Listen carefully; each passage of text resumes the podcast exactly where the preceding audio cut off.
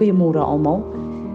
Dis vir my met soveel vreugde dat ek ver oggend met 'n opgewondenheid met julle kan praat en wanneer ons bid en Vader God gryp in en antwoord so wonderlik, dan uh, voel dit net vir my die krag wat ons het uh in gebed maar ook in die liggaam en ook om as 'n groep die voorregte kan hê om vir mekaar te bid en sekere goed te bid. Um is vir my so so belangrik en daarom wil ek veral vir oggend vir die donderdagoggendgroep sê wat al die gebedsversoeke kry. Ehm um, ek wil amper vir julle sê well done, hoewel ons geen eer kan vat nie want ons weet ons is net instrumente in Vader se hande, maar as ek kyk na wat gebeur het gister ehm um, middag met Agatha, sy was reeds die baba het ehm um, nie reg gedraai nie en sy was al reeds in die in die teater vir ehm um, 'n keisersnee. En ehm um, natuurlik wil niemand dit hê nie en sy wou dit glad nie gehad het nie want haar ander babas het almal normaal gekom en in in die teater het die baba reg gedraai en kon die baba gebore word natuurlik. Is dit nie wonderlik nie? Ons het gistermiddag vroeg wat toe sy vir ons laat weet het hulle beplan 'n keiser en dat die baba nie reg lê nie, ehm um, het ons begin bid en Hoe awesome is dit net nie om te sien hoe die Here ingegryp het nie. So Vader, ons wil ook sommer net as 'n groep vir U sê baie baie baie dankie. U is so awesome God. Dankie dat U regterhand altyd uitgestrek is Here om ons te help in tye van nood. En ons wil net vir U kom baie baie dankie sê Here. En ons gee al die lof en al die eer en al die aanbidding vir hierdie awesome wonderwerk vir U. Amen. Amen. Ehm um, Ek is besig met 'n woord wat vir ons baie bekend is, maar wat vir my in 'n diepte oopgaan terwyl ek ehm um, vir iemand gebid het vroeër hierdie week en ek het net gevoel die Here wil hê ek moet 'n bietjie stil staan by hierdie ehm um, woord. En dis die bekende woord, dink julle kan sê een van my geliefkoeste skrifte in Filippense 2. Ehm um, ek wil praat oor vers 12, maar ek wil ook 'n bietjie vorentoe gaan na vers uh uh 9 en 10 toe. So ek gaan dit eers vir julle lees en dan kyk ons wat die Here sê.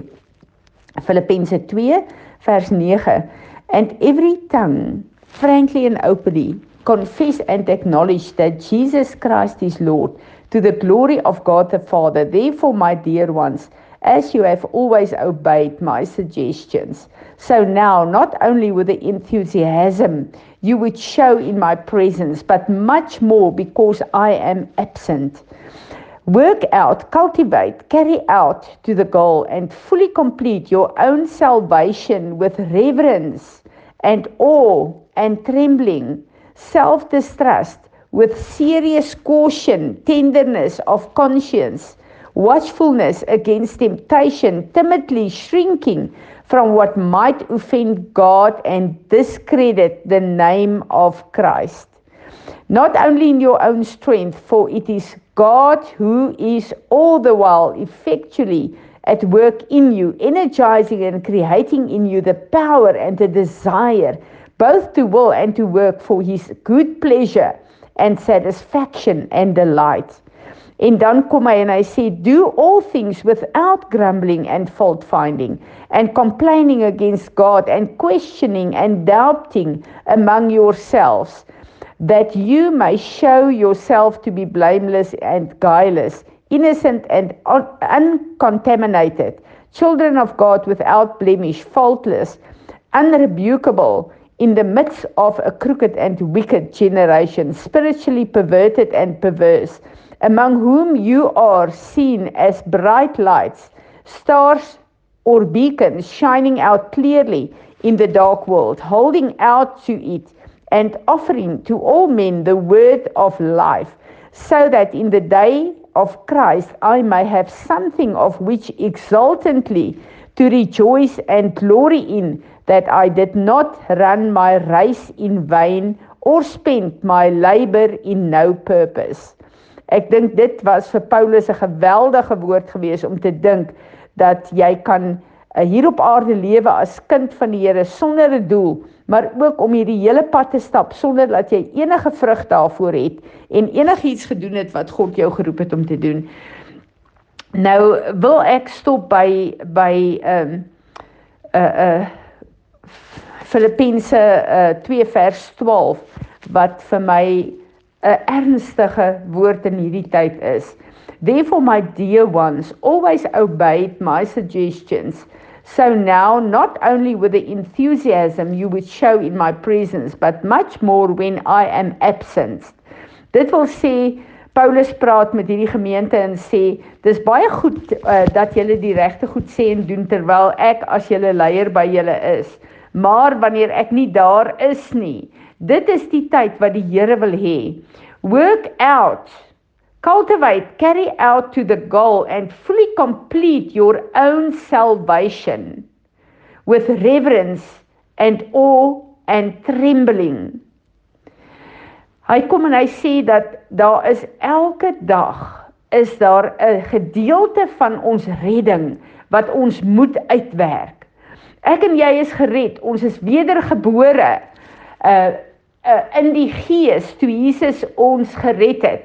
Ons gees is wederbaar. Ons het die volheid van die saad van Jesus binne in ons gekry.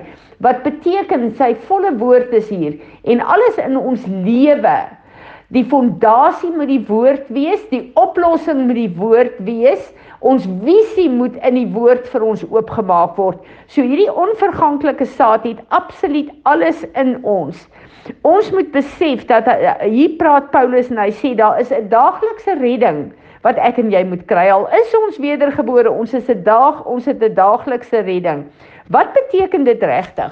Dit beteken daar's plekke in ons lewe wat nog ongered is. Daar's plekke in ons lewe wat buite God se orde is.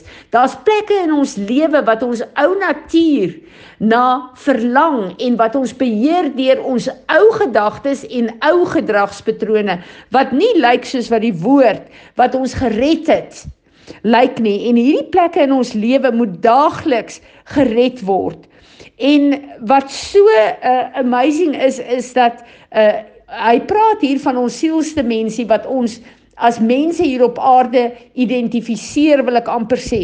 Ons 'n uh, uh, uh, lewe wat vandat ons gebore is hier op aarde is ons sielste mensie. Ons 'n uh, uh, wil in ons verstand en ons emosies is eintlik wat ons identi identiteit gee.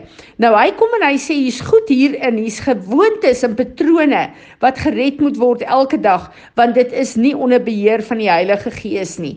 En met my en jou redding het ek en jy 'n Jesus se gees in ons gekry.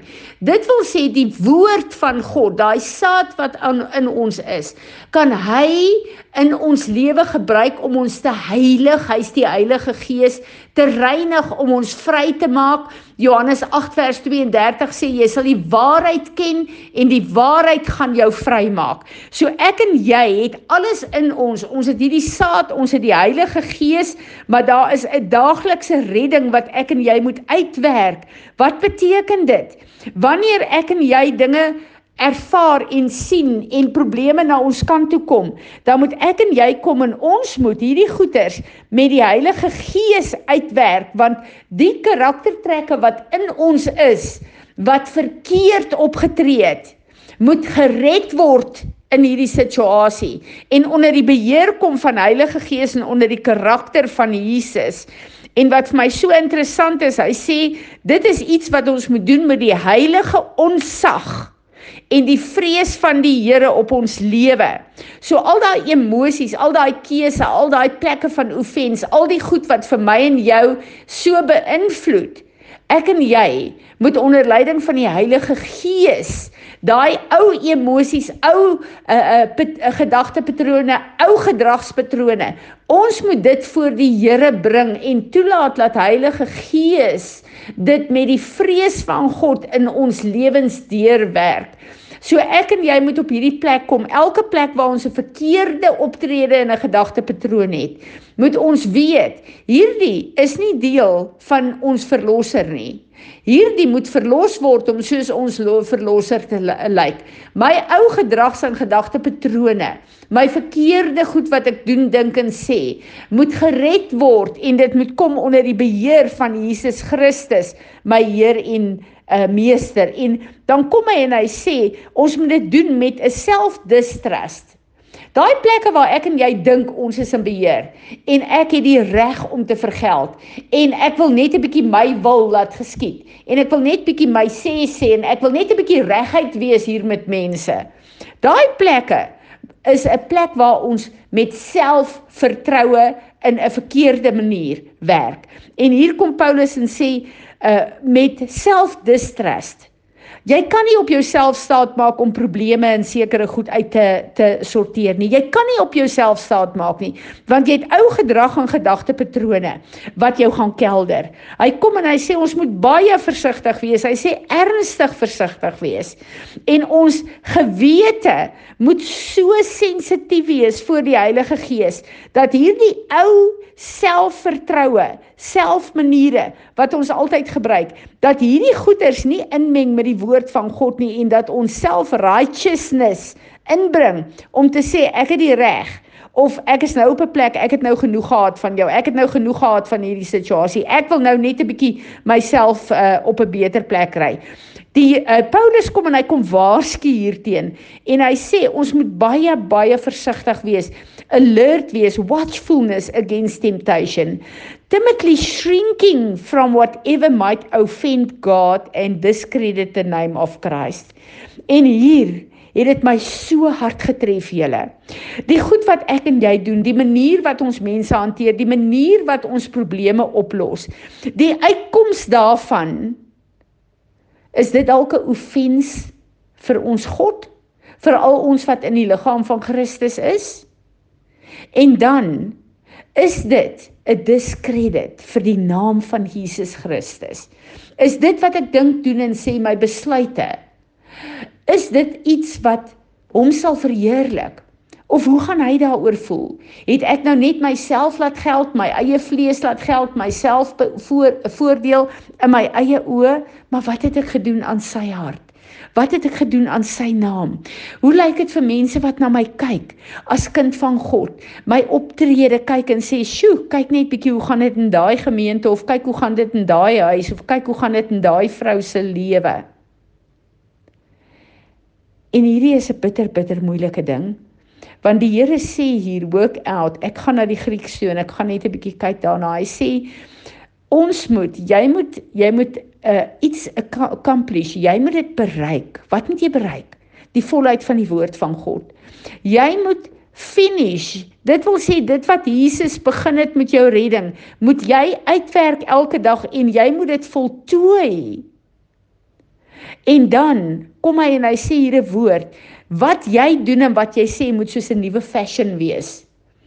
Wanneer jy 'n ding doen, moet mense na jou kyk en dink, "Wow, ek gaan dit volg." Soos wat in die modewêreld gebeur. Jy kan 'n fashion begin. Dis my amazing uitdrukking hierdie in die Grieks. En jy kan veroorsaak dat mense hierdie fashion volg.